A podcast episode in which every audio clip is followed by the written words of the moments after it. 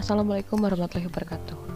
Selamat datang di podcast The Millennial Stock bersama saya Ibu Tika Anissa Lestari Koswandi. Dan pada episode kali ini kita akan membahas terkait perilaku konsumen. So check it out.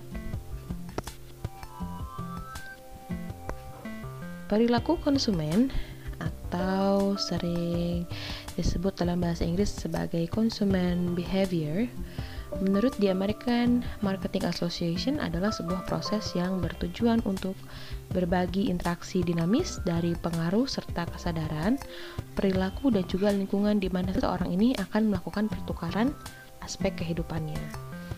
Adapun menurut Schiffman dan Kanuk, perilaku konsumen merupakan sebuah proses yang harus dilakukan oleh pembeli mulai dari menemukan, membeli, menggunakan, mengevaluasi, dan bertindak berdasarkan sesuai dengan konsumsi produk dan layanan serta gagasan yang bertujuan untuk memenuhi kebutuhan seseorang.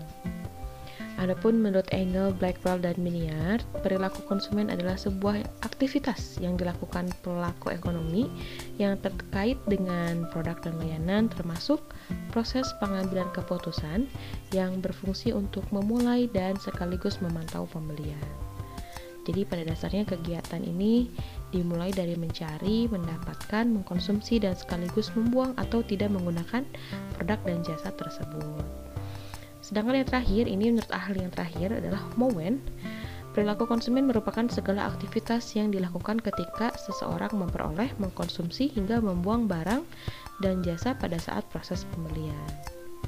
Jadi pada intinya kalau kita tarik kesimpulan dari beberapa ahli tadi, mungkin kita bisa mendefinisikan bahwa perilaku konsumen adalah hal atau bagaimana seorang konsumen melakukan uh, proses pembelian.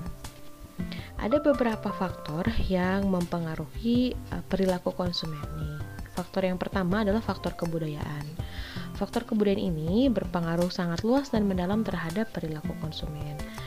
Faktor budaya ini terdiri dari budaya, subbudaya, dan kelas sosial. Mungkin kalau teman-teman menganalisis kelas sosial menengah ke bawah, menengah ke atas, itu pasti memiliki perilaku yang berbeda. Juga preferensi yang berbeda, bahkan gaya hidup yang berbeda seperti itu. Kemudian yang kedua adalah faktor sosial. Nah, e, faktor ini dipengaruhi oleh faktor-faktor seperti kelompok acuan, keluarga, hingga status sosial. Keluarga menjadi entitas penting dalam mempengaruhi perilaku konsumen ya. Karena apa? Karena dari keluarga kita akan mendapatkan ide-ide atau cara pandang terhadap perilaku atau pola pembelian. Mungkin teman-teman pernah lihat ada keluarganya ini hemat banget keluarga teman kamu yang sebelah sini agak sedikit hedonistik gitu. Pasti pernah menemukan karena hal kayak gitu. Oke, faktor selanjutnya adalah faktor pribadi. Ini uh, faktor yang berkaitan tentang memberikan kontribusi terhadap perilaku konsumen yang terdiri dari usia dan tahap siklus hidup, pekerjaan dan lingkungan ekonomi seperti gaya hidup, kepribadian dan konsep diri gitu. Kemudian faktor selanjutnya ada faktor psikologis, yaitu pilihan pembelian seseorang yang dipengaruhi oleh empat faktor psikologis utama, yaitu motivasi, persepsi, pembelajaran, serta keyakinan dan pendirian. Kalau motivasi itu kan artinya ada keinginan ya, rasa keinginan untuk membeli barang gitu. Sedangkan persepsi itu cara pandang, bagaimana kita memandang suatu produk, memandang proses pembelian ini seperti apa. Kemudian keyakinan dan pendirian itu memang uh, ada dan muncul dari personal statement seperti itu. Kemudian uh, dalam kaitannya dengan model, model perilaku pembelian, ini ada yang paling terkenal sekali dari Kotler, bukunya Kotler ya. Kotler menyebutkan bahwa untuk mencapai kepada proses purchasing decision atau keputusan pembelian ada beberapa tahap-tahap yang akan dialami oleh uh, seorang konsumen. Yang pertama dari kalau teman-teman lihat dari bagian ini paling sebelah kiri ada marketing stimuli atau stimulus-stimulus pemasaran yang diberikan oleh uh, company atau uh, produknya. Biasanya itu berupa informasi perihal produk dan juga jasa, kemudian harga-harga dan diskon, kemudian distribusi dan cara pengkomunikasian, baik itu melalui marketers atau melalui pemasar ataupun melalui media-media saluran pemasaran. Adapun beberapa stimulus lain itu seperti dipengaruhi oleh ekonomi, situasi ekonomi, kemudian situasi tentang uh, teknologi, politik, bahkan budaya. Nah, ketika stimulus-stimulus ini um, diberikan kepada calon konsumen atau target konsumen, ini secara tidak langsung akan mempengaruhi kepada dua segmen. Yang segmen pertama adalah psikologisnya, khususnya terutama motivasi, ya persepsi, learning dan memori, gitu. Yang kedua adalah uh, karakteristik konsumen yang didasari oleh cultural atau budaya sosial, lingkungan budaya, lingkungan sosial dan juga personal.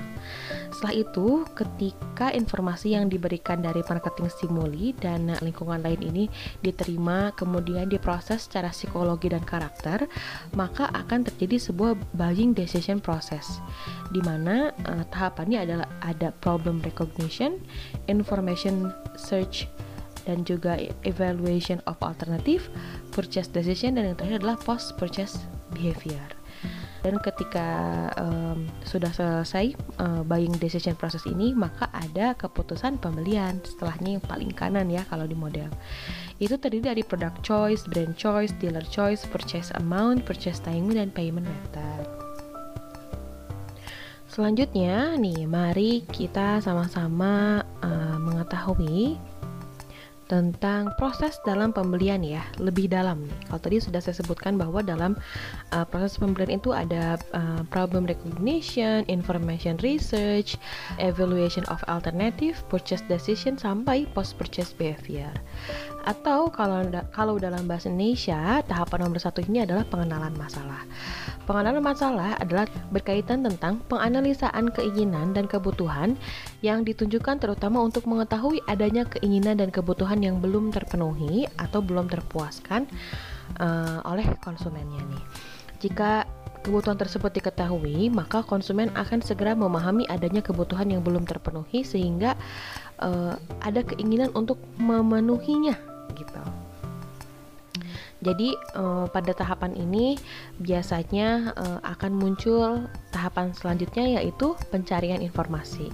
Setelah konsumen mengetahui bahwa adanya kebutuhan yang belum terpenuhi, pencarian informasi pun di sini akan uh, lebih menitik beratkan pada penggali tentang informasi-informasi produk atau jasa-jasa yang sesuai dengan apa yang ia butuhkan gitu.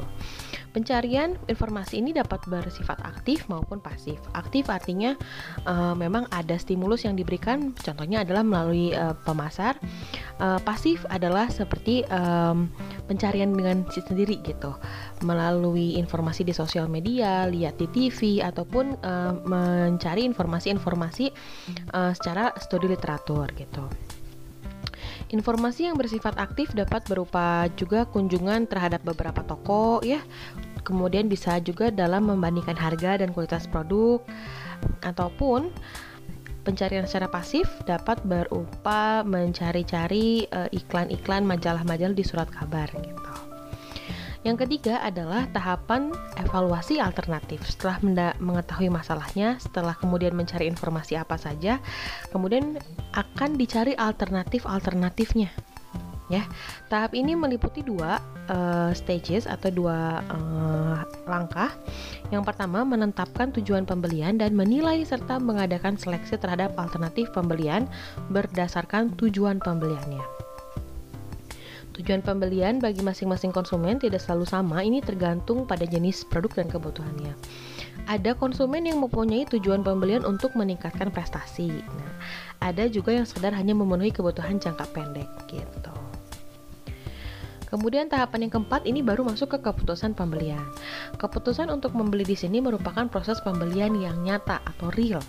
Jadi setelah tahap-tahapan itu dikemukakan, maka konsumen harus mengambil keputusan kira-kira harus beli atau enggak ya, jadi mau beli atau enggak ya gitu. Bila konsumen memutuskan untuk membeli, maka konsumen akan menjumpai serangkaian keputusan yang harus diambil menyangkut jenis produk, merek, penjual, kuantitas, waktu pembelian, dan cara pembayarannya. Perusahaan perlu mengetahui beberapa jawaban atas pertanyaan-pertanyaan yang menyangkut perilaku konsumen dalam keputusan pembelian tersebut gitu. Yang terakhir adalah perilaku pasca pembelian. Setelah membeli produk, konsumen akan mengalami level kepuasan atau ketidakpuasan. Nah, tugas pemasar tidak berakhir pada sampai produk dibeli saja, tapi berlanjut sampai ke periode pasca pembelian. Pemasar harus memantau nih apakah seorang konsumen ini sudah merasa puas atau belum, ya. E, sehingga nanti ada treatment-treatment khusus yang diberikan gitu. Oke, okay, nah itu tadi adalah lima tahapan yang sudah kita ketahui tentang buying decision process ya. Bagaimana? Apakah tahapan ini memang sesuai dengan pengalaman yang pernah teman-teman alami di lapangan ataukah tidak sesuai? Oke. Okay?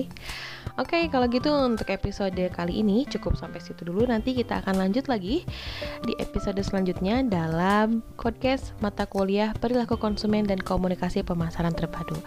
Terima kasih sudah mendengarkan. Assalamualaikum warahmatullahi wabarakatuh.